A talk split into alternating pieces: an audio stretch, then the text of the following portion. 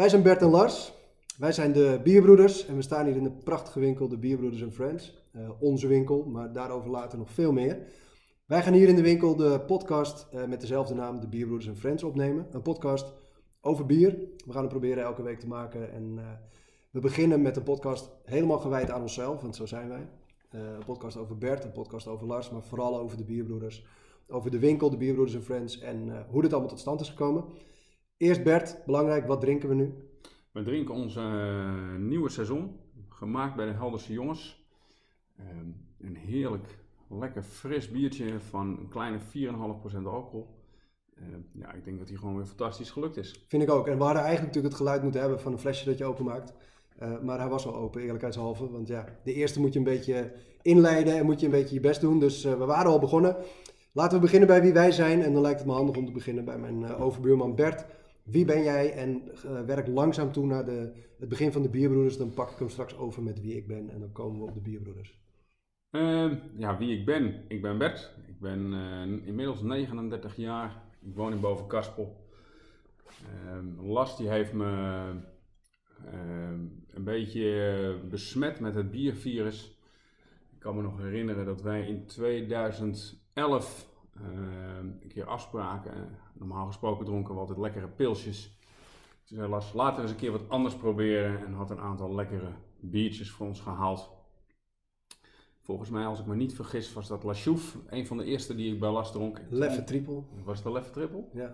Een Leffe Triple. En ik moest gaan omschrijven wat ik nou proefde. Nou, en dat vond ik me toch een partij lastig. Van wat proef je nou eigenlijk? Hoe definieer je dat? Al met al, het werd een hele gezellige avond. En aan het eind van de avond schreef je niks meer op. En waren we alleen maar aan het lullen over bier, zoals we dat nu ook willen gaan doen. Ehm, maar daarmee is mijn interesse in het speciaal bier eh, was gewekt. En zo hebben we steeds meer, eh, zijn we bier gaan proeven, speciaal bierwinkels gaan bezoeken om nog specialere en nog bijzondere bieren eh, te gaan eh, ontdekken, zeg maar. Daarin kwamen we ook allebei eigenlijk wel tegen dat we allebei een totaal andere smaak hadden. Eh, Lars neigt meer naar de zure, de wat bitterere bieren. Ik ben meer van de hele zoete en zware bieren. Maar door juist die ervaring goed te kunnen delen, wat probeer jij, wat proef jij, waarom, kom je een heleboel over bier te weten. En verder, nog over jezelf? Vind je dat nou echt leuk om alles Nee, over mij? Ik wou Hoeft zeggen, niet. ik heb een hele leuke vriendin, Yvonne. Daar woon ik eh, nu een kleine zes jaar mee samen. We zijn bijna, hoe lang zijn we nou met elkaar? 18 jaar? Ja, 18 jaar zijn we alweer met elkaar. 35.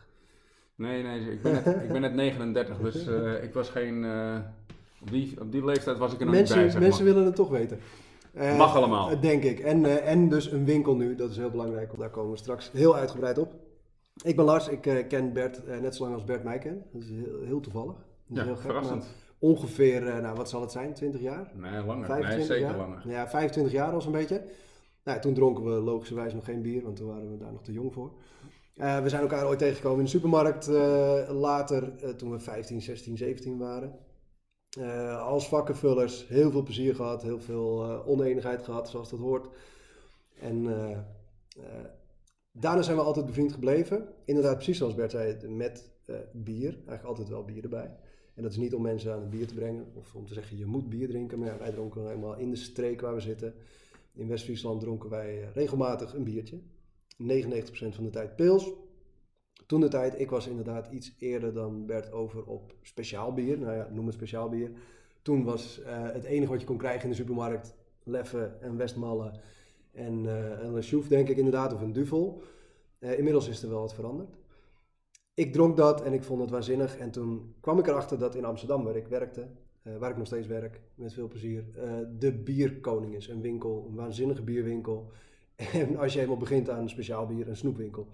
Dus daar kocht ik mijn allereerste speciale speciaal biertje. Eh Rochefort 10. En eh, Amerikaanse Imperial Stout van, die heette Yeti. Eh, een Duitse IPA, dat heette Frits IPA. En die spoot uit de fles. Eh, en vrij snel alles van de molen. Alles wat ik kon krijgen van de molen, dat moest ik hebben. Want dat was in Nederland de speciaal bierbrouwer. En vooral de craft bierbrouwer in, nou, hebben we 2010 hebben we het over ongeveer. En ik denk ook nog steeds. En ja, en nu zijn ze groter, zijn ze macro brouwer, niet meer micro. Maar ik kocht de molenbieren en de molen eh, had één keer een bier dat na opening deels tegen het plafond belandde. Inmiddels weten wij als eh, ervaren huurbrouwers dat dat kan gebeuren. Kan de beste gebeuren, eh, kan de slechtste gebeuren. En het overkomt eigenlijk iedere brouwer wel een keer in zijn carrière dat hij een fles heeft of een badge inmiddels, waarbij dat gebeurt. Dus ik heb gemaild naar de molen en zei: jongens, eh, dat en dat is gebeurd. Fles van, nou, ik weet niet meer welk bier het was, maar het was een Imperial. Stout. Nee, het was Imperial Stout. Die is eh, grotendeels tegen beland. Vind ik zonde. Kost een hoop geld, maar vooral eh, had ik heel weinig te drinken die avond. Dus ik kreeg van John, de toenmalige eigenaar, of de mede-eigenaar van de molen, kreeg ik heel netjes meteen een mailtje terug de volgende dag. En die zei, joh, eh, vervelend voor je, kan je me nog laten weten welke, welke batch het was? En eh, nou ja, exact welke, welk soort bier, dan kunnen we even kijken of we ze terug moeten halen. En kom eens langs, krijg je een privé-rondleiding. Nou, vond ik waanzinnig natuurlijk. Eh, in Bodegraven, maar ik dacht in mijn eentje naar Bodegraven, rondleiding bij de molen. Dat is wel een beetje spannend en een beetje, hè, heb ik daar zin in in mijn uppie? Mijn vrouw krijg ik niet zo ver, want ik heb ook een hele lieve vrouw, ben ik ook al heel lang mee samen. Maar die krijg ik niet mee naar een brouwerij om een rondleiding eh, te doen of te volgen. Eh, dus heb ik Bert meegevraagd, want wij hadden inderdaad één of twee keer toen speciaal bier, een speciaal bieravond gehad. Eh, en ik zei, joh, vind je het leuk om mee te gaan? Dan gaan we samen even daar die rondleiding doen. En dat hebben we gedaan. en dat was heel leuk, toch? was fantastisch. Het was, wij Heel enthousiaste eh, gasten. ja. Eh, heel veel lekkere dingen geproefd. Ja, dat was grappig. We mochten meteen proeven. Eh, en we zagen daar een brouwerij met, nou, ik weet niet meer uit mijn hoofd, maar pak een beet, eh 30, 40 ketels Ja, van max. 2500 liter. Wat wel massaal is en groot. Eh, maar iemand die erover vertelde met een, een, een swoon en een enorme passie en vertelde hoe het was gegaan. Namelijk, eh, een vriend van hem brouwde. Dit is zijn verhaal, dus als ik het verkeerd vertel, dan John, excuus. Eh, zijn vriend of een vriend van hem die brouwde bier thuis, 100 liter, 200 liter, eh, verkocht het zonder moeite of gaf het weg zonder moeite. En die dacht ik wil groter, maar ja, dat kost geld. En John die had een klein spaarpotje en die hebben dat samen opgezet. En hij vertelde dat op een manier dat, eh, dat wij naar huis reden. En toen wij naar huis reden, toen dachten we, nou ja, Dit kunnen wij ook. dat kunnen wij ook. Het niet meteen op die manier, maar we zouden in ieder geval kunnen beginnen met thuisbrouwen. Want dat was zijn boodschap aan ons. Onze boodschap aan alle mensen die nu denken wij willen dat ook bereiken. Of wat wij doen, wat nog vrij kleinschalig is. Of wat de molen doet, wat veel groter is. Begin met thuisbrouwen. Dus we zijn naar huis gegaan hebben Rudy eh Kiefiet. eh, Rudy de Kiefiet of Rudy Kiefiet. Rudy Kiefiet volgens mij. Ge, ge- niet gebeld, maar bereikt via Ramon. Eh, allemaal mensen die nog langskomen in deze podcast. Misschien zelfs deze aflevering. Kijk, dat is wel een dopje die viel. Dat is een mooi geluidseffect. en eh, gezegd, hey, wij willen thuis brouwen. We hebben gehoord dat jij thuis brouwt. Dat deed hij toen de tijd. En eh, kunnen we eens bij jou kijken? Nou, veel beter dan dat. We konden daarin kijken en al zijn spullen lenen. Hij was zeer vrijgevig en zei, hier heb je nou ja, alles wat je nodig hebt om thuis te brouwen. Je moet nog even een pan regelen en je moet nog eventjes wat dingetjes zelf doen. Maar het grootste deel hadden we in huis, dus we konden voor een luttele 150 euro de rest kopen. En toen waren we klaar om te beginnen. Ja.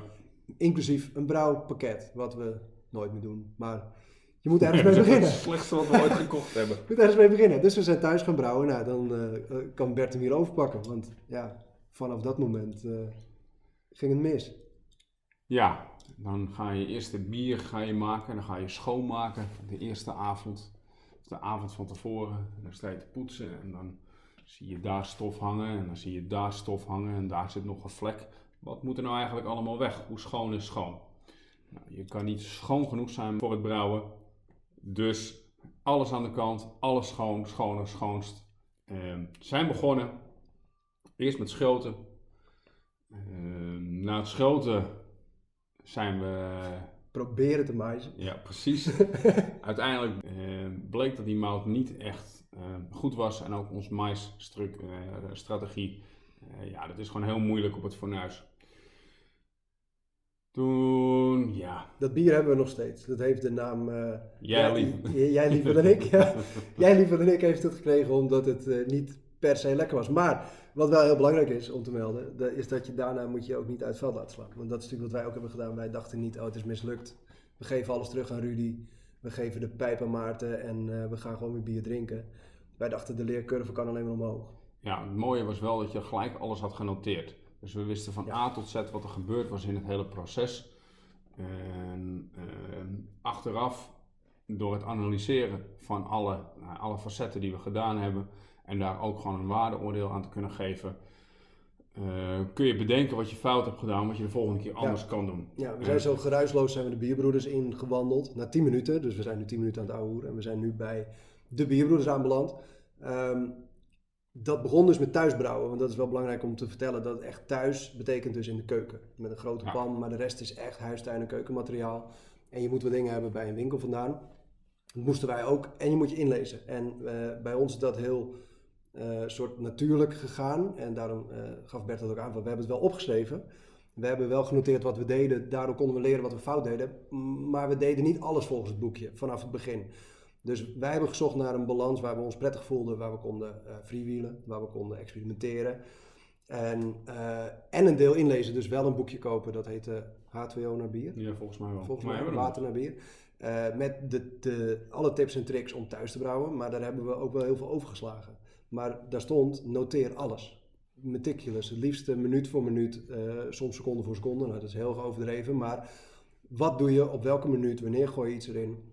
En daar hebben we heel veel van geleerd, eh, dat we dat nog steeds wel doen. Niet nu laten we brouwen, we, we zijn huurbrouwers inmiddels. Maar we houden wel nog steeds goed bij hoe onze recepten in elkaar zitten. En we willen wel graag weten wat de brouwers doen. Omdat je dan terug kan voeren en kan kijken wat is er eventueel mis met het bier. En dat was thuis nog wel eens het geval. Dan kon je wel terug gaan kijken waar hebben we iets anders gedaan dan de vorige keer. Zeker, maar even onderbreken, want ik zie iets heel belangrijks. Onze glazen is zijn leeg. Ja, dat is niet Dus ik goed. ga even een nieuwe openen. Dan hebben we toch het geluid nog te pakken. Wat drinken we Bert? We drinken een, eh, een berging dubbel biertje. Hij is niet koud, maar dat vind ik eigenlijk niet erg. Hey, daar komen we ook vast nog over te spreken. Wij gaan in deze podcast, als het eh, aan ons ligt, alles bespreken wat eh, met bier te maken heeft. Dus hoe proef je bier, wat vind je lekker, Eh, tot welke krachtbrouwerijen zijn er, welke, nou ja, noem maar op, welke bierfestivals, bierboeken.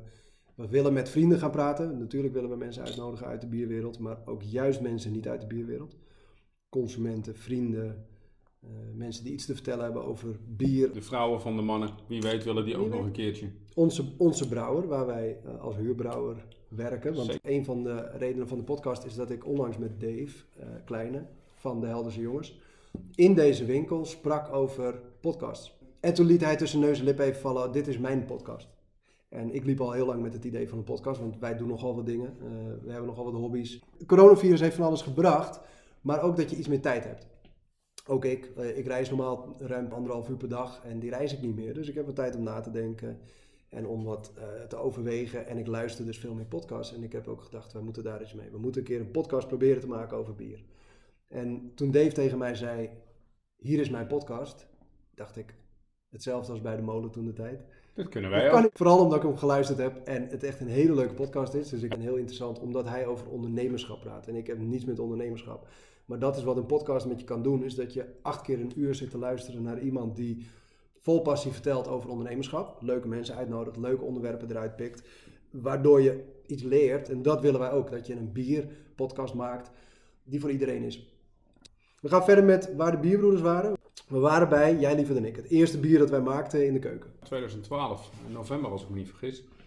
Gewoon een hele leuke dag, een hele spannende dag van wat gebeurt er en vooral eh, wat kunnen we ervan verwachten. Nou, alles wat fout kon gaan, ging fout. De mout was slecht, de hop was slecht, ons maaischema was slecht. Toen we gingen temperaturen en gingen kijken of het, eh, de wort goed was afgekoeld, viel de thermometer erin in de wort, zoals je begrijpt. Moesten we de thermometer eruit halen? Hoe hebben we dat gedaan met onze blote handen? Maar dat was juist heel mooi om te leren.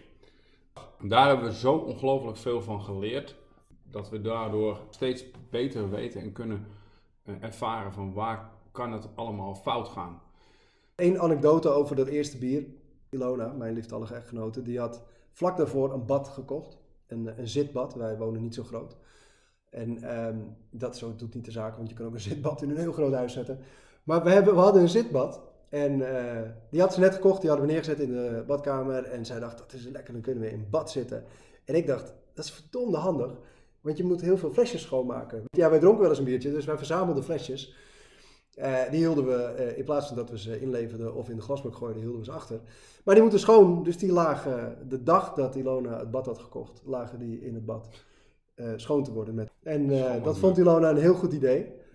En daarna stond er één vat van 20 liter in de woonkamer. En dat vond ze op zich prima. Die moest een beetje op temperatuur blijven, rond de 20 graden. Ja. Nou, dat is het in je woonkamer. Eh, niet veel later werd dat iets meer. Maar het begon bij het eerstvolgende bier. En dat was volgens mij niet veel later. En toen hebben we, als ik me niet vergis, twee bieren op één dag gemaakt. Waren het er niet drie? Of drie. Overweldig, overweldigend En drie keer drie. Eh, overweldig was een, eh, de bedoeling gewoon een donker bier. Zo dubbel, weet je wat we nu Ja. drinken. En we hadden dus over, want we maakten 20 liter en wij kochten wat, wat ruim in. We zijn wat enthousiast. En toen, eh, de tweede was dus die dag, omdat we mout over hadden en hop over hadden, werd overweldigend. Die was wat zwaarder, was 8% alcohol. Ja, en toen hadden we nog meer over en toen dachten we, hier gaan we voor het eerst experimenteren. Nu gaan we iets doen wat, wat we niet hebben gelezen, wat we niet hebben gezien. Wij dachten, we hebben drie soorten mout, drie soorten hop en drie, eh, we pakken drie soorten kruiden. Klonk toen heel experimenteel. Inmiddels weten we dat er wel meer soorten mout en hop in een bier gaan. Maar eh, dat was ons eerste experimentele bier. En die hebben we gebotteld en die hebben we zes weken later ook kunnen proeven. Toen hadden we, jij liever dan ik al geproefd. Nou, dat, dat had een IPA moeten worden. was een, eh, nou, een soort alcoholvrij pils was het geworden. Zoiets. En niet de beste, niet de beste alcoholvrije pils. Maar die andere drie, die waren eigenlijk niet te versmaden. Die waren prima. Ja. En we lieten dat aan een paar vrienden proeven en die vonden dat ook wel prima. Sterker nog, we krijgen nog steeds een verzoek om de drie keer drie nog een keer na te maken. Toen was, het hek wel, toen was het hek wel van de dam, want ik zei het bij de eerste keer brouwen ging het mis, of bij de molen zien, maar na de tweede keer ging het echt mis. Toen was het hek wel echt van de dam. Ja. Toen gingen we wel snel. Ja, binnen een jaar tijd hebben we 15 bieren gemaakt ongeveer. Ja, We werden uitgenodigd op festivalletjes. Mochten Ja. er niks verkopen, dat hebben we ook niet gedaan. Uiteraard. even een paar namen weten we ze nog. We weten. Schoppenvrouw, Amber Bacht. Duinrellen voor het vriendenweekend. We hebben voor eh Osira, een collega van mij, hebben we hebben XM kwadraat gemaakt. Kermissen. Ook nog. Voor jouw kermisborrel, die deed het ook heel goed. Die kon alleen in een laars van 2 liter worden, ge, of 3 liter worden dat was gegoten. 5 liter Vijf volgens liter. mij. Een Ja, we hebben inderdaad iets van 15 bieren gebrouwen, maar we gingen ook wel snel van 20 naar 100 liter. En de huizen werden letterlijk te klein. Dus mijn woonkamer stond regelmatig vrij vol. En er moest regelmatig eventjes gecheckt worden, maar het, het lekte ook nogal. Ik bedoel, het was allemaal niet zo afgesloten, dus uit het kraantje onder viel nog wel eens wat. Nou, bij jou precies hetzelfde. De allereerste keer dat we een vaatje hebben gevuld, weet ik nog wel. Ja, die imploderen. Ja, Ja, dat was een mooie inderdaad. ik weet niet meer wat erin zat. Maar... Zijn, die hadden we gemaakt voor de kermisborrel. En daar zat zoveel restsuikers in. Volgens mij voor de, voor de kenners onder ons hebben wij hem eh gebotteld op, ik volg, als ik me niet vergis, op 1024. Ja, Wij dachten dat kan. eh, Ultimate Result. Oh ja, Niet te vergeten, bananenbier, was wel herfst, herfstzon. Maar het lijkt me wel een mooi moment om over te gaan tot de VOF de Bierbroeders.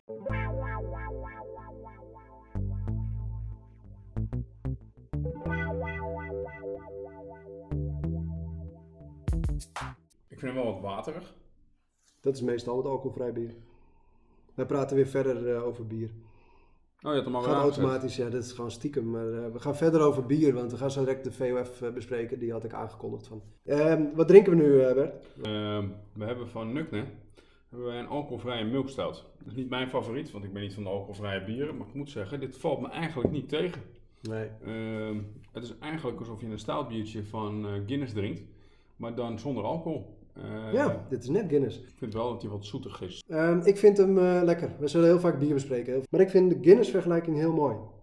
Ehm, ik heb zelf nu een eigen biertje opengetrokken. Ons wit bier vorige week eh, ehm, in de winkel gekomen. Afgevuld, zeggen we dan. Afge- sorry, Afgevuld, afgevuld. zo'n mooie brouwersterm. Die moet je af en toe er tussendoor gooien. Ja, gewoon Afgevuld. omdat, omdat het kan.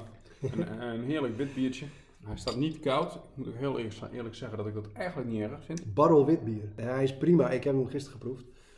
Hij Wat is, mooi, eh, net even te warm. Hij mag een paar graden kouder. Maar eigenlijk hoeft het niet. Geen hij- schijven citroen erin. We hebben zoveel Nee. citroen erin gedaan. Precies. Hoef je het niet toe te Vloek in de kerk, citroen in je bier. Hij is wel lekker. Nee, hij is Ja, prima. hij is- Hoe werden wij VOF de bierbroeders? Ook een heel mooi proces. In 2014, eigenlijk in 2013, toen hadden we het er al over. En eh, mensen willen ons bier ook elders proeven. Ja. En wij zijn wel mensen die zich een beetje aan de regels houden. Ja, dat is belangrijk om te melden voor mensen die dit nu luisteren en nu al denken ik ga thuis brouwen. Je mag volgens de wet, toen in ieder geval, misschien is het veranderd, moet je opzoeken. Je mocht toen de tijd 200 liter bier thuis hebben. En je mocht het thuis opdrinken als je dat gemaakt. Dat was gedoogbeleid. Je mag bier maken, maar het mag alleen ehm, zoals wij deden. Maaisen, koken en dan krijg je alcohol. Je mag niet destilleren. Daar moet je vergunning voor hebben. Maar het mag vooral je deur niet verlaten. Dat heeft te maken met, met accijns. Je moet accijns betalen over iedere druppel alcohol die je produceert. En dat is terecht en prima, maar wij hielden ons daaraan. Dus we hadden op een gegeven ogenblik, wat we net zeiden, we brouwden 100 liter per keer, soms 200 liter op een dag. Maar dan heb je dus soms per maand 300, 400 liter bier. En dat is lastig opdrinken met z'n tweeën. Het kan wel, het ging wel goed. Ja, we het deden mocht alleen bij ons, hè, want wij, of bij jou, want daar behouden we, dus daar moesten we het opdrinken. Ja, dus wij dronken het niet met z'n tweeën, maar mensen kwamen wel langs om het te drinken. Maar dat was inderdaad, eh, haakte ik eventjes erop in qua wettelijkheid. Van dat was de reden dat wij zeiden, eh, het gaat heel goed, mensen willen het proeven, maar het mag gewoon niet de deur uit. Omdat ik wel wat commerciëler ben dan Las. En ik hier toch wel wat in zag. Ook mensen eh, regelmatig tegen ons zeiden: jullie moeten hier wat mee doen. Want jullie kunnen dit. Dan hebben we ons ingeschreven als VOF. Toen hebben we een biertje gedronken. Ja, ik weet nog, nou ja, dat kan ik me er weinig meer van herinneren. Maar we hebben in ieder geval, we zijn aan het Arendsnest geweest. En daar hebben we, ge- volgens mij was dat- Arendsnest is een, is een prachtig biercafé in Amsterdam op de Herengracht. en toen hebben wij de La Quadruple quadruppel, maar 16, zoiets. ja, zoiets. Batch Ge- 16 heet dat. Ja. En gerijpt op witte wijnvaten. Is, is tot de dag van vandaag het lekkerste bier wat we ooit hebben gedronken. Maar we weten niet of dat komt doordat het bier daadwerkelijk het lekkerste was. Of door de euforie van we zetten een volgende stap in iets waar we zoveel passie voor hebben. En eh, om terug te komen op dat thuisbrouwen. Thuisbrouwen is niet leuk. Thuisbrouwen is gewoon heel naar. Het is, het is, we hebben onwijs veel gelachen. Maar we hebben ook onwijs veel gevloekt. Want het is heel zwaar werk als je het doet zoals wij het deden. Dus niet als je 20 liter maakt met een brouwpakketje. Maar als je je gaat uitdagen en je gaat, gaat bieren bedenken, dan gaat alles mis. We hebben elkaar wel vervloekt. Eh, niet in de zin, niet in de vriendschap, maar wel op zo'n dag. Van, van waarom lukt dit niet? Eh, het is al acht uur s'avonds en we zijn nog steeds niet klaar. Dus thuisbrouwen is niet per se leuk. Je begint ergens mee en je weet gewoon niet waar het eindigt. En die spanning die hadden we toen erop staan toen we bij de Kamer van Koophandel vandaan kwamen. En we hadden eh, de naam De Bierbroeders eh geclaimd. We hadden Neergezet. al neergezet. En we hadden een VOF-contract. Dat is heel belangrijk voor ons. Wij hebben meteen een contract opgesteld. En gezegd, eh, wat er ook gebeurt, gaat goed, het gaat niet goed. We maken nu een contract, want er is niks. We hebben nu nul op de rekening, we hebben nul uitgegeven. We maken een contract voor de toekomst, voor geen idee wat er gaat gebeuren. En Wij- vooral ook om de vriendschap eh, te kunnen waarborgen. Ja.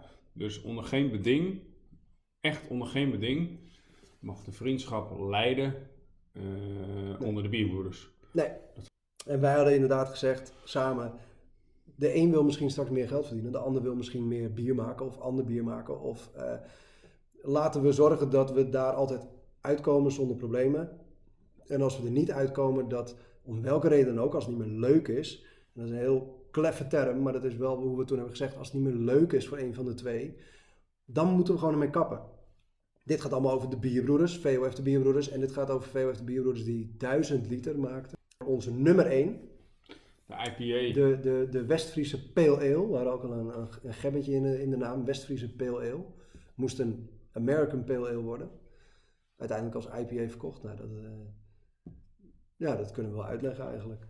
Ik, wij, wij waren al bierkenners, een klein beetje. We hadden al eens wat gedronken, dus ik wilde graag een American Pale Ale maken. Eh, in onze verdeling, dat is wel belangrijk om te weten, maak ik de meeste recepten.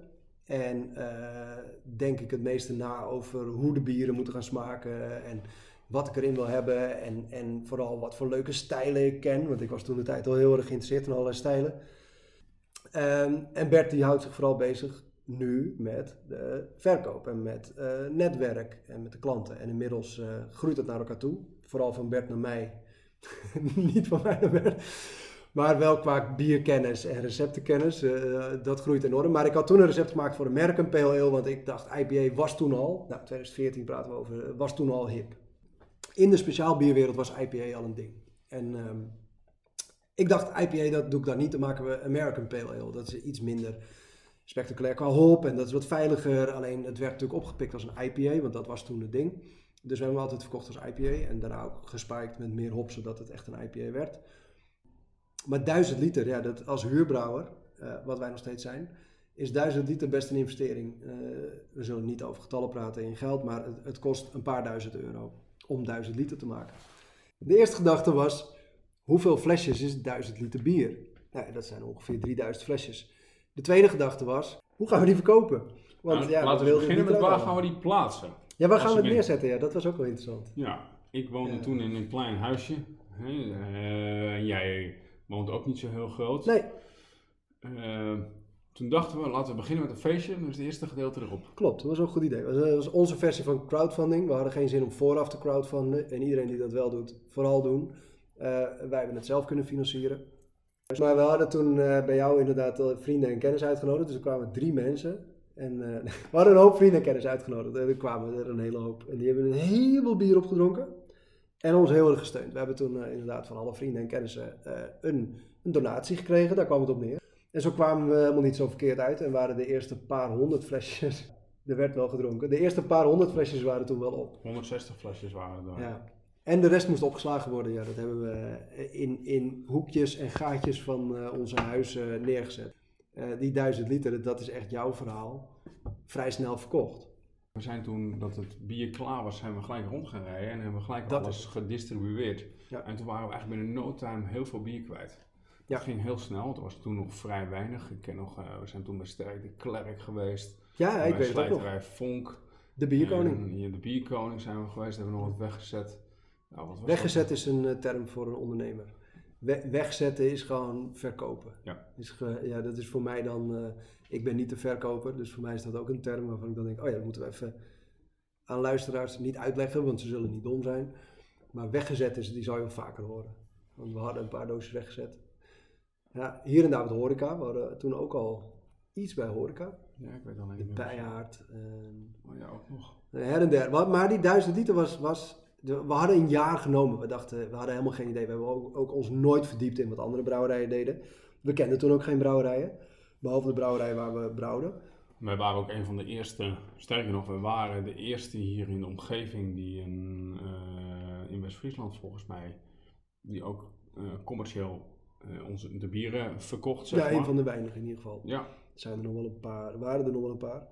Maar het was sneller weg dan we dachten. En omdat we in die lijn zaten van thuisbrouwen naar groter brouwen, naar 1000 liter. En VOF van, ja, we zien wel, dan hebben we in ieder geval iets waardoor we het kunnen verkopen. Want dat was eigenlijk de hele reden, was we kunnen het in ieder geval de deur uit doen. En we kunnen andere mensen van laten proeven. En weer eigenlijk hetzelfde als dat ene kratje wat we wilden. Was dat we hier dachten, hoe tof zou het zijn ja, om in de winkel te staan. Als onze bieren, ons, ons bier nou in de winkel komt. En ik weet nog dat we bij de Bierkoning echt een soort, soort uh, ook weer een euforisch moment hadden van ons bier staat bij de Bierkoning. Weet je, we kwamen daar al jaren, we kochten daar de meest uitzinnige bieren. Uh, en dan staat daar jouw bier, staat gewoon op de plank, staat daar de Bierbroeders, nummer 1 Westfriese Pale Ale. En mensen kopen het ook. Kopen het en er is een etiket gemaakt door Ramon, uh, mijn beste vriend. En die heeft de, dat etiket gemaakt, dus die kon er ook van genieten. En dan kan je helemaal van jouw product genieten. En dat was waanzinnig. En net zoals het thuisbrouwen, smaakte naar meer. En toen kwam nou, nummer 1, nummer 2. Maar ja, een American Pale Ale die je verkoopt als IPA is natuurlijk wel een beetje niet saai. Maar is wel, was, was wel dat wij met elkaar bespraken ook. Dat is wel een soort zekerheidje. Je weet dat je IPA verkoopt. Maar mijn brouwershart, zeg ik dan maar eventjes, maar ook mijn creatieve hart zei... ik wil eigenlijk wel iets maken wat niet uh, makkelijk in de markt ligt. En wat ik waanzinnig bier vind. En oh. de Dirty Bastard of zo. Een Scotch Ale, die vond ik heel lekker en een beetje niet te, te benoemen. Ik vond het een beetje lastig. Je, wel zoetig en wel zwaar, maar geen quadruple en geen Imperial Stout. Dat ga ik proberen. En dat hebben we gedaan. En toen kwam de Scotch Ale, 9%. Donker bier, lukte. Uh, hij smaakte zoals ik hem in mijn hoofd had, ongeveer. En ook die verkocht wel. En uh, nou ja, Lars die leuke bieren wilde maken. Ja, en ik die toch wat commerciëler is. Ja. Uh, ja, is het gewoon leuk. Dachten we van, nou, dit kunnen we gewoon verder doen. Hebben we ook gedaan. En laat, laten we nog een paar stapjes nemen. We zijn toen van nummer twee. Nee, dat was echt ontzettend origineel. Wij hadden toen een, uh, een soort, soort creatieve flow, hebben we nummer drie gemaakt. Echt, ja. Na nummer 1 en nummer 2 kwamen we nummer 3. En vergeet daarna nummer 4 niet. En, oh, nummer 4. Ja, heel gek. Nee, nummer 3 was ook wel weer leuk, want we hadden dus die Scotch Ale. Uh, uh, vonden wij leuk. Dachten we, gaan nog weer wat anders doen. Nou, mijn vrouw die werkte toen bij een café. Uh, nou, café is natuurlijk ook vaak met bier. En toen hebben we om, toen deden we al proeverijtjes zelf, met, samen, dat we tien bieren, nee, vijf bieren kochten. Ja, tien. En dan gingen we proeven en dan gingen we noteren van dit vond ik lekker, dat vond ik lekker. En na zes bieren dan dachten we, nou laat maar zitten.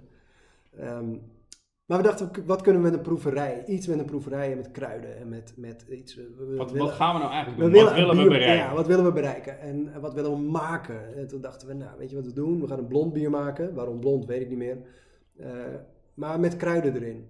En toen hebben we daar in dat café, backstage in Horen, hebben wij een proeverijtje georganiseerd met een man of eh, 10, 15. En hebben we allemaal zakjes kruiden gemaakt. Die theezakjes gevuld met kruiden. Het, weet ik veel, 20 soorten kruiden. Hebben we een blond bier van Verdet, een blond bier waarvan we dachten dat is lekker basic, weet je, prima, niks mis mee. Maar ook niet veel smaak, eh, eigen smaak. Want je wilde zo min mogelijk eigen smaak, zodat je de kruiden kon proeven.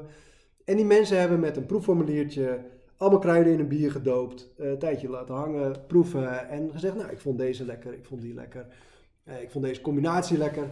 En daar hebben we ons eigen recept op gemaakt. We hebben toen zelf wel nog heel kritisch zitten kijken van wat vinden wij zelf. Maar we hebben zeker eh, rekening gehouden met wat er werd gezegd. Want vlierbessen kwamen eruit en dat, die hadden we zelf nooit bedacht. Nee. De vlierbessen hebben we toegevoegd. Oh, even over dat bier gesproken. Mijn glas is leeg. Ja, ik zou er eentje pakken. En weet je, ik vind dat het tijd wordt voor de bijzonder blond. En hij heet nummer 3 Bijzonder Blond. Ja, dus Bert gaat even bier pakken.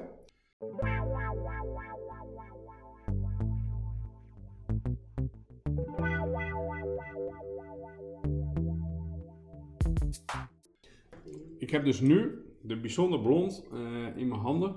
Ook net gebotteld. Volgens mij zit nu eh, twee weken in de fles. Dus eh, ik had hem nog niet kunnen proberen, dus ik ga hem nu weer... eh, Barrel Westfries Bijzonder Blond. Dit is dus een, een, een nieuwe versie op het bier dat, dat we toen hebben gemaakt op de nummer 3 Bijzonder Blond. Dit is een nieuwe versie, dus de 2020 versie van de Bijzonder Blond die wij maakten in 2015. Die pakte ook wel weer goed uit. Nummer 4 was een eh dubbelbok. Boudebok heet die. Ons vijfde bier was Rokende Bisschoppen, ook wel Smoking Bishops. En waarom heette dat eh Smoking Bishops? ja, het was toen die ene gozer die uit, eh, uit Engeland... Ierland. ik weet niet eens meer hoe je aan hem kwam, zeg maar. En die was ook Ja, dat kan ik vertellen. Ja, dan ben ik, ik ben de hele tijd aan het woord, maar ik, ik knip wel zo dat ik nog meer aan het woord ben. Ik werd gebeld, ik liep in Albert Heijn in Amsterdam. En in de supermarkt, want ik kwam uit mijn werk. En iemand belde mij en ik nam op. Ik zei eh, met Lars, you're speaking with... I hear you have a brewery. I would like to... Sorry voor mijn Engels, het is net zo steenkolen als van iedereen. I would like to brew a beer in, in the Netherlands, but I don't have a brewery. And uh, can we do a, a collab brew? Eh, dus een gezamenlijk bier. I have an awesome recipe. En nou, ik dacht niet, we doen het niet. Ik eh, zeg, joh, ik ga erover nadenken. Ik zal in het Nederlands verder gaan. Ik, ga erover nadenken. Eh, by the way, we hebben geen eigen brouwerij. Wij zijn huurbrouwers, heb ik meteen verteld. Ik zeg, maar ik kan wel kijken bij onze brouwer of dit te regelen is. En ik ga het met mijn compagnon Bert bespreken. Dus ik werd gebeld. Ik zeg, nou, ik werd net gebeld door, eh, door een Ierse eh, man. En die wil een bier met ons brouwen. Nou, wat voor bier? Ja, een rookbier. Nou ja, Bert zoals hij is, zei, nou, prima, die gaan we toch doen. Zeg, dat is goed.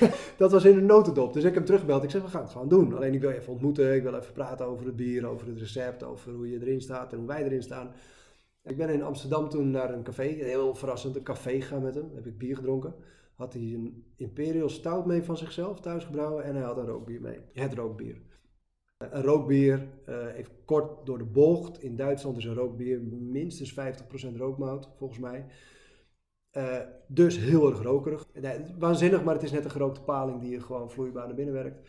Ehm, en hij had zijn perfecte rookbier. En ik zei, ja, dat is prima, maar hij gaat niet zo smaken. Want bij 1000 liter verandert je recept. En de ingrediënten die jij erin hebt zitten, die zijn niet verkrijgbaar in eh, zakken van 25 kilo eh, hop van 5 kilo of de gist die jij hebt, is die, daar werken ze niet mee samen, noem maar iets. Nou, daar was hij wel mee akkoord, want hij wilde het heel graag en wij wilden dan 500 liter, hij 500 liter. En eh, dat hebben we gedaan. Zijn brouwerij noemen kunnen we wel, want dat is dan wel zo vriendelijk. Eh Hops en Ale heette zijn brouwerij. En zijn naam hebben we niet op het etiket gezet, want Bert die pakte hem er meteen even bij. Ik heb Ehm, nog even voor de duidelijkheid, Lars die pakt net het flesje. Ja, Eh, Het is nog, ik heb nog een paar flesjes van die tijd. THT-code is december 2017. Ehm, ik had nog een paar flesjes, vond ik in de schuur. Dus die staat nu in de winkel. Ja. Gewoon omdat het kan. Ja, en omdat het best wel lekker bier is. Eh, eh, we gokten ermee. Want we hadden thuis van alles gebrouwen, maar geen rookbier. Dus hij had zijn recept aangeleverd en ik zei: Ik ga een deel van het recept aanpassen, want ik wil niet dat het jouw recept is. Dus zo was ik ook wel. Niet dat ik zijn recept niet goed vond, maar ik zei: Ik wil wel mijn inbreng hebben. Ik heb mijn voorkeuren qua hoppen en mijn voorkeuren qua mout. Dat heeft iedere brouwer. Ehm, dus zijn we ergens uitgekomen op een midden. En eh, dat is gemaakt. En toen hadden we een rookbier. Dat was volgens mij ongeveer het moment dat, dat wij, en vooral jij, zei: Wij gaan gewoon veel bieren maken. Ja, en ehm, jij wil natuurlijk ook. Ik vanwege de commercie. En jij vanwege het ontwikkelen van bieren. Ja, maar waar die- jouw passie ligt. Ja, maar die En bijten elkaar ook. Ja, klopt. Maar juist daarom, omdat eh, ik een andere kijk op de bierwereld heb dan de meeste commerciële mensen.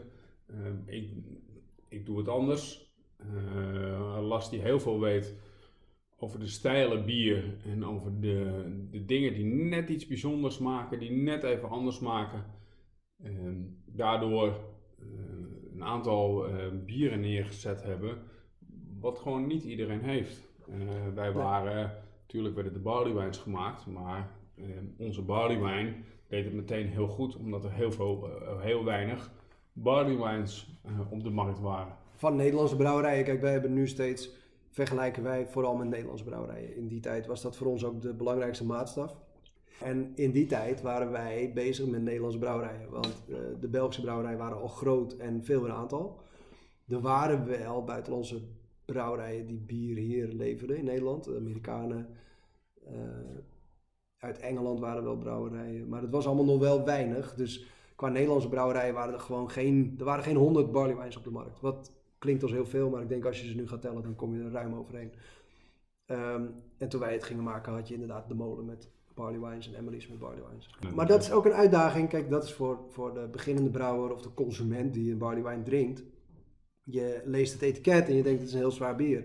Maar ja, om tot een zwaar bier te komen moet je een hele zware storting doen. Dus wij kwamen met een recept aan bij, eh, bij de brouwer, bij de brouwerij. En die zei, "Nee, dat kan ik niet. Ik, ik kan die storting niet aan. Mijn, mijn filter, eh, filterketel, eh, filterbed gaat vastlopen. En ik, oh, ik krijg het niet in mijn kookketel, want die kookketel gaat overlopen dan. Of ik heb niet genoeg water. Er was een hoop uitdagingen. En wij zeiden, ja, we gaan het gewoon proberen. En in het ergste geval mislukt het, dan pakken we allebei 50% verlies. En dan gooien we hem in de sloot. En dan Gaan we het opnieuw proberen, maar we gaan het doen. En dat is toen gelukt. En ook met dank aan hem. Want die, die, die storting, want daarom zeg ik die storting met mout. De storting is gewoon hoeveel mout gooi je in het water. Dat je maist. Die was zo hoog omdat we geen suiker wilden toevoegen. En dat staat meestal niet op het etiket. Soms staat er wel vermeld suiker. Maar dat kan ook bottelsuiker zijn. Want bij het bottelen gebruik je ook suiker.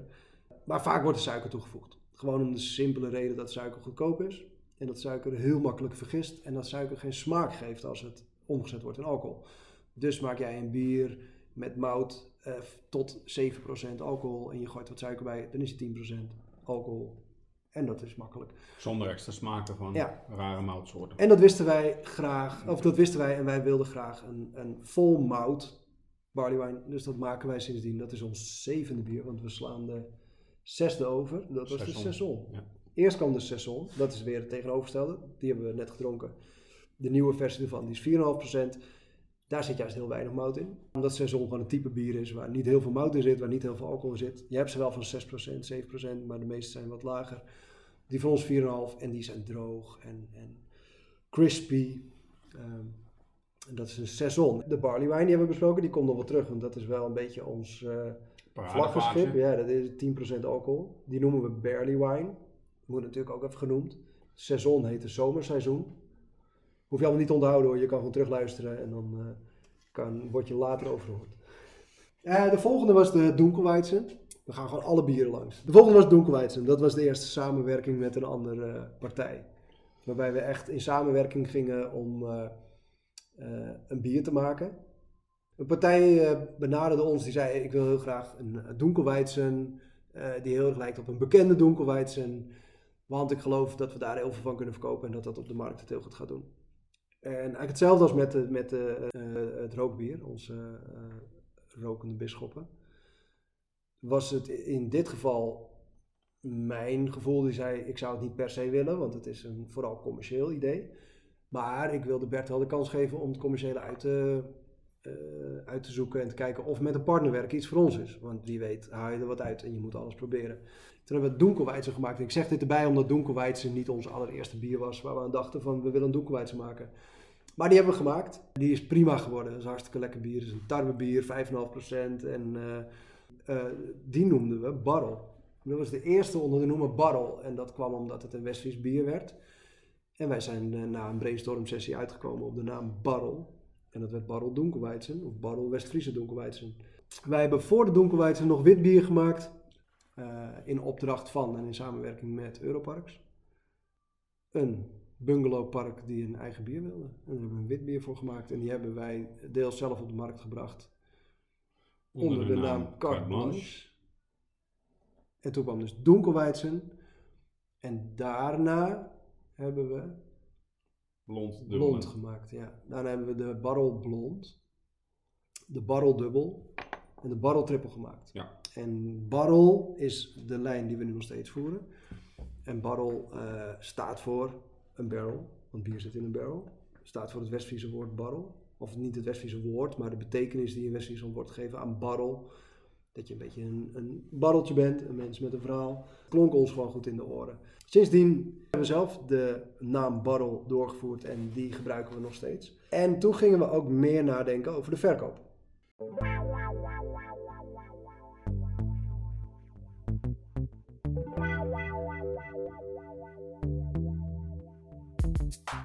Daarom is het ook een barrel Donkelweitsen blond dubbel triple geworden. Omdat we toen inderdaad wel gingen denken in die lijn van hé, hey, als je nou een lijn maakt die goed moet verkopen, welke bieren gebruik je dan? Welke bieren maak je dan? Allemaal met een eigen kenmerk. De blond is een redelijk tarwebier met veel hop, dus neigt een beetje naar IPA, neigt een beetje naar een uh, nou, Weizen. De dubbel is echt een cleanste bier dat we hebben. Dat is echt een Belgische dubbel zonder iets erop en eraan. Uh, precies zoals je hoort, de triple heeft weer een hele bijzondere gistsoort. Waardoor die anders smaakt dan de meeste trippels. Nou is dat moeilijk te zeggen, de meeste trippels, want er zijn al duizend smaken in. Hij wordt wel vooral veel vergeleken met de karameliet trippel. Ja. Uh, waarom? Omdat hij wat zoeter is. We hebben een andere gist gebruikt, waardoor die niet zo wrang in, uh, op de achterkant van je keel is. Van je tong eigenlijk, tussen je, de overgang van je tong en je keel. Ja. Daar blijft normaal gesproken een trippel in hangen. Dat vind ik per definitie niet lekker. Dus deze is gewoon een stuk ja, zoeter, fijner, uh, zachter. Uh, naar mijn idee een van onze lekkerste bieren. En ook een, een bier wat gewoon uh, een van onze beste uh, verkopende bier Ja. is op dit moment. Ja, dus dat is heel snel door de, het, het ontstaan van de barrellijn. Want nu hebben we al onze bestaande bieren eh, die we nu nog voeren, die zetten we onder barrel. De, de specials. We hebben eh, een aantal bieren gemaakt op basis van de dubbel die we hebben. De barreldubbel. Daarom zeiden we net ook, de, de barreldubbel is echt een heel een bier zoals, hij, zoals een dubbel hoort te zijn, maar heeft niet heel veel spectaculairs. Het is een donker bier, uh, 6,9% alcohol en, en, een beetje zoetig en een beetje moutig en niet hoppig. Dat is belangrijk voor de speciale bieren die we ermee hebben gemaakt. Omdat het zich heel goed leent voor uh, waar we voor benaderd werden, of wat Bert heeft uh, bekokstoofd met een aantal slagers, een stoofbier. En uh, dat was nogal een spectaculair idee. Om te zeggen, we maken een bier waar je in kan stoven, maar wat je niet per se kan drinken. Hoe kwam dat tot stand? Ik was op dat moment een uh, accountmanager voor een grossier voor slagers. En Timo Boon uh, was, een, was op dat moment een klant van mij en die had begrepen, die had gehoord dat wij nou, veel met bier deden. En op een gegeven moment kom ik met Timo in gesprek en die zegt tegen mij: Ik wil wat doen met bier, maar ik weet niet wat. Ik zeg tegen Timo: Daar gaan wij over nadenken, Las en ik. En we gaan wat leuks bedenken. Dat komt zeker goed. Dat kan niet anders. We zeiden, normaal gesproken doe je kruiden, doe je op je vlees. Makkelijk zat. Waarom doen we nu de kruiden niet in het flesje? Zodat de, de consument die gewoon niet zoveel verstand heeft van kruiden, er is ook helemaal niks mis mee. Waarvoor doen we dat nou gewoon niet daarover? Dat klonk ook makkelijk zat. Ja. Om het even in het flesje te doen. Ja, nou dat, uh, ja. dat hebben we ook gedaan. Dat bloed, zweet en Hebben we ook geweten, met dank aan de lepelaar. Ja. Uh, een kleine brouwer in, nu moet ik even vanaf wezen, ik weet niet waar die zit. Ja, de Beemster, het is officieel een Beemster. Uh... Beemster brouwer. Uh, zelfs zijn naam is me ontschoten. Sjaak. Beter voorbereiden. Sjaak van Lepelaar. We, we, we wilden een bier, een stoofbier, even op de receptuur, dat eh, ben ik dan. Mijn schoonvader is meesterkok, uh, Michel Hansen. En die heb ik benaderd en gezegd, joh, Bert heeft het idiote idee gevat om bier te maken waarin je vlees kan stoven. Je hoeft het niet te kunnen drinken, maar het moet ook niet uit de fles spuiten. En het moet ook niet vies zijn. Ja, dat klinkt dan gek, want het echt drinkbaar is niet, maar het is ook niet vies. Kan je ons daarbij helpen? Ja, kan wel helpen, maar weet je, het beter als je het zelf doet. Ik wil wel meedenken en meepraten, maar uh, hij zei, ja, jullie zijn de bierbrouwers en als je dit idee hebt, je, uh, laat het me lezen als je het hebt gemaakt, maar uh, ik ga er verder niet, ik ga niet mijn kruidenmengsel aan jullie geven. Zo heeft hij het niet gezegd, maar zo kwam het gesprek uiteindelijk over. Dus ik ben gaan zitten, de dubbel als basis. En ik ben thuis gewoon kruiden in dat bier gaan pleuren. Zo simpel was het. Gewoon een flesje dubbel in een glas gieten. En gewoon kleine beetjes kruiden toevoegen. Uh, en ook met koken, dan kan het bier in een, in een pannetje dan erheen koken. Kijken of dat anders werkte. Dus wanneer voeg je toe, dat is dan ook een brouwsding. En zo ben ik op een kruidenmengsel gekomen uh, samen met Bert. Want steeds overlegd van, oh, zullen we nog laurier erin of niet laurier erin? Ik vind venkel heel lekker, zullen we dat eens proberen? Uh, zijn, zijn we op een mengsel gekomen. En toen kwamen we op de hoeveelheid. Uh, en dat zijn we ook weer gewoon gaan testen door een flesje te nemen en ja, letterlijk één theelepel toevoegen van alles en twee theelepels. Dat gaat heel schuimen. Dat is les 1. Ja, dat was geen... Als je kruiden in bier gooit wat af is, dat schuimt. Geef niet, dat hebben we van geleerd. Toen hebben we het bier eerst in een hele grote pul gegoten. Daar een theelepeltje toegevoegd. Van zes kruiden uit mijn hoofd. En twee, en toen zijn we gewoon gaan rekenen. Van zes kruiden, één theelepel, twee theelepels. En toen zijn we gewoon heel simpel gaan uh, rekenen. Van als je van één flesje 1000 liter maakt, nou, daar kwamen we net ook achter, er zijn ongeveer 3000 flesjes. Doe je het gewoon een keer 3000. En dan kom je op een hoeveelheid kruiden waarvan je vrij snel denkt, dat wordt een uitdaging om dat te doen. Dus toen hebben we gezocht naar een kleine brouwerij, met alle respect. Maar Lepelaar is een brouwerij die 150 liter geloof ik maakte, maakt. Per batch. En die hebben gewoon een mailtje gestuurd en zei, joh, we hebben dit idee en, en we willen het maken, maar als we nu 1000 liter maken, is het, is het heel veel geld en de kans dat het mislukt is, is, is aanwezig. Uh, omdat, nou, allerlei redenen. Het kan gewoon mislukken. Het is een ingewikkeld proces om zoveel kruiden in een bier te doen. Uh, laat staan om het een beetje te laten smaken. En, dus die zei, tuurlijk gaan we doen. Dus uh, Sjaak nog steeds bedankt daarvoor. Dat is echt heel leuk. Een hele leuke ervaring. En we samen daar kruiden staan toevoegen, staan brouwen. En het was een waanzinnige ervaring om te doen, maar het gaf niet veel hoop. Dat moet ik wel zeggen. We, hebben toen tijdens het bottelen vooral heel veel problemen gehad en het lukte niet. En de slagers waren erbij, want we moesten mooie foto's hebben. En die eerste 150 liter is gemaakt, of er bleef 100 liter over denk ik. En die is verkocht en die ging wel goed. Mensen reageerden er leuk op. Vooral het concept natuurlijk. En het smaakte ook goed. Het vlees werd gewoon lekker. Uh, het werkte zoals we hadden gehoopt. Dus we, gaan toch duizend liter maken. We gaan het toch doen. Het is, een, het is een idee waarvan wij dachten, we staan erachter. Het is een leuk idee, het bestaat niet. En we gaan het doen. Dus een brouwerij gevonden die dat wilde. En uh, die net gestart was toen. Was een van de eerste bieren die ze maakten. En dat is gelukt. Ja. en uh, die hebben we verkocht. Dus dat was een one-off stoofbier. niemand anders heeft dat gemaakt tot nu toe, voor zover wij weten. er, gingen, er gingen waanzinnig veel kruiden in. Een leuk experiment. En iets wat al veel langer sudderde, was... Sudderde, heb je hem? Keurig. Was Bert bij jou, was het pepernotenbier. Die hing al een paar jaar in de lucht. Nou, we wilden wel graag wat meer experimenteel gaan doen.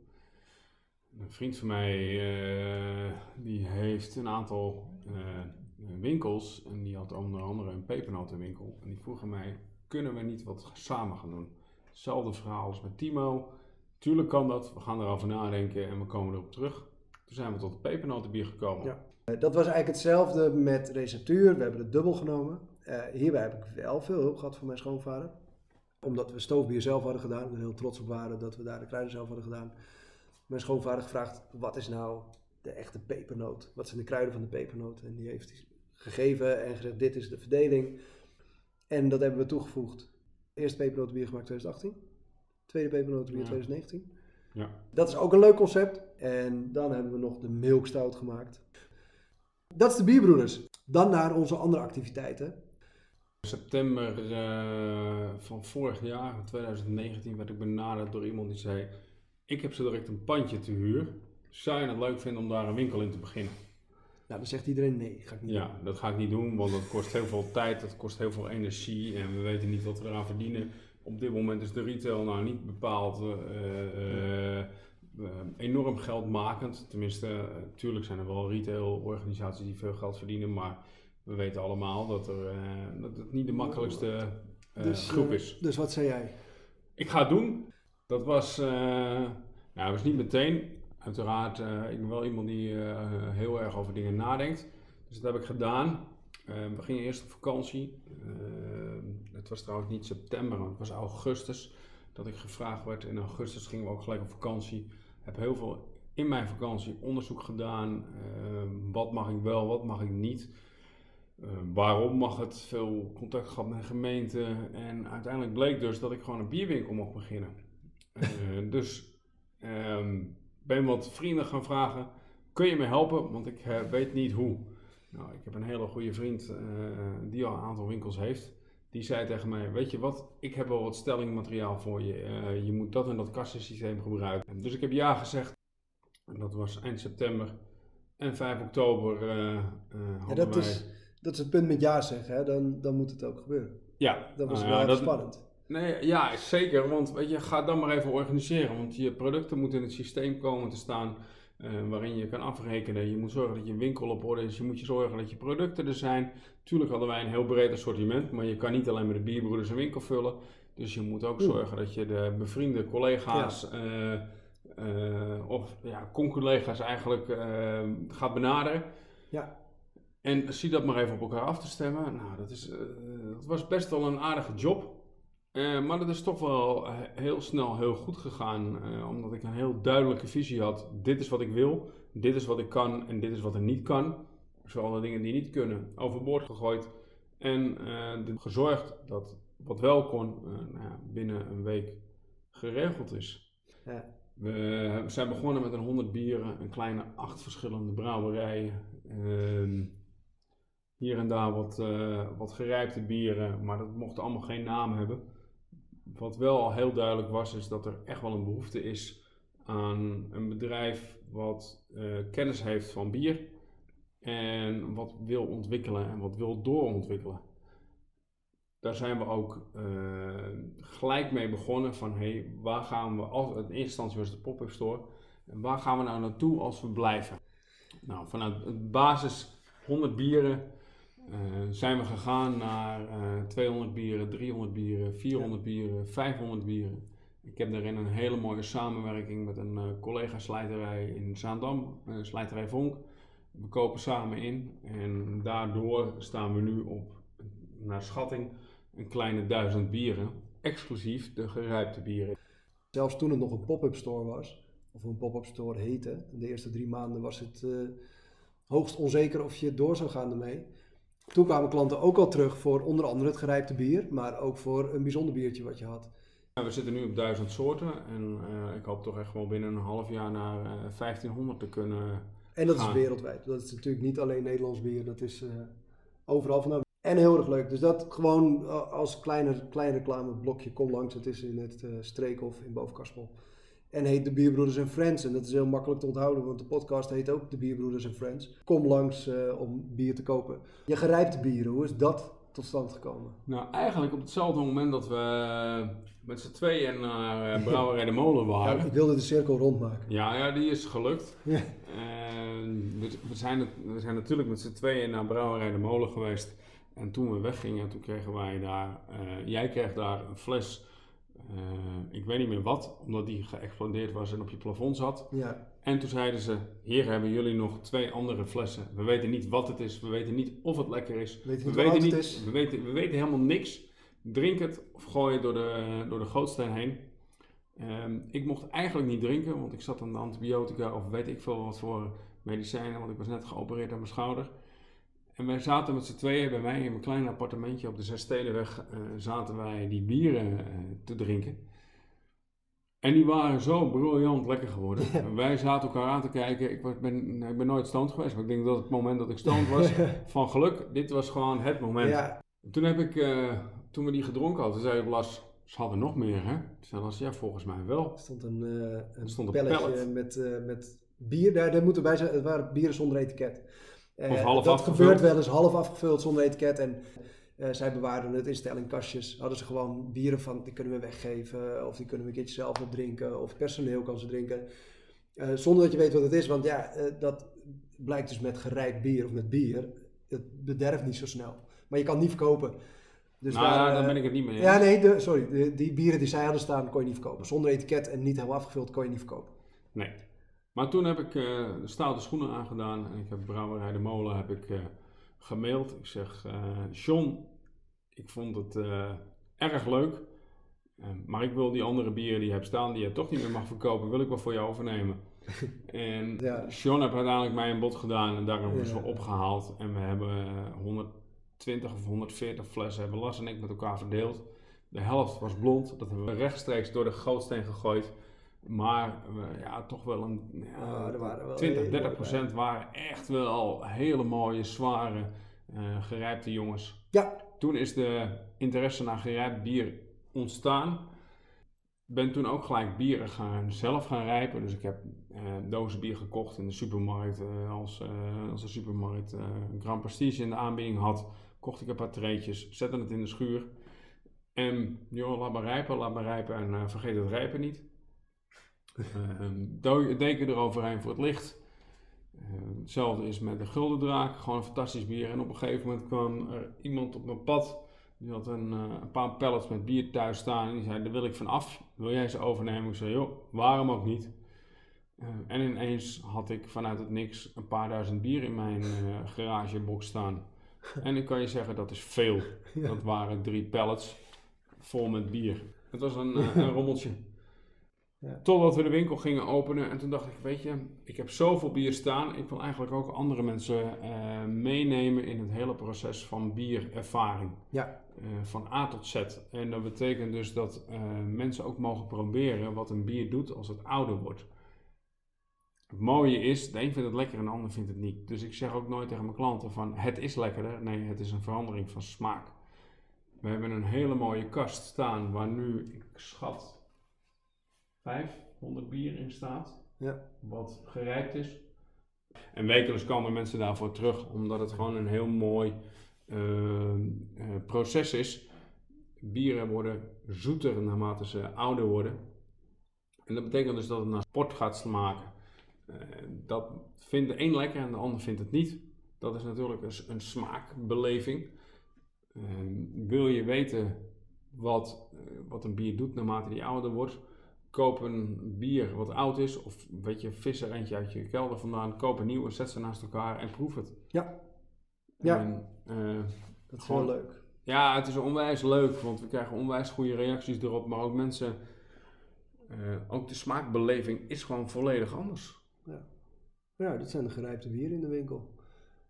Nou, dan hebben we de winkel eh, ook wel besproken. En volgens mij hebben we dan, qua wie wij zijn, de bierbroeders en de bierbroeders en friends. Nou, niet... nee, daarmee is het wel af. We hebben een paar biertjes gedronken. We hebben gepraat over bier, eh, over onze eigen bieren. Nou, Bert, bedankt dat je mee wilde werken. Dat is mijn idee. En dan moet je ook maar net eh, zin hebben om eh, twee uur in de microfoon te praten, waarvan misschien een half uur overblijft. Eh degene die hebben geluisterd, bedankt voor het luisteren. Dus bedankt. En tot volgende podcast.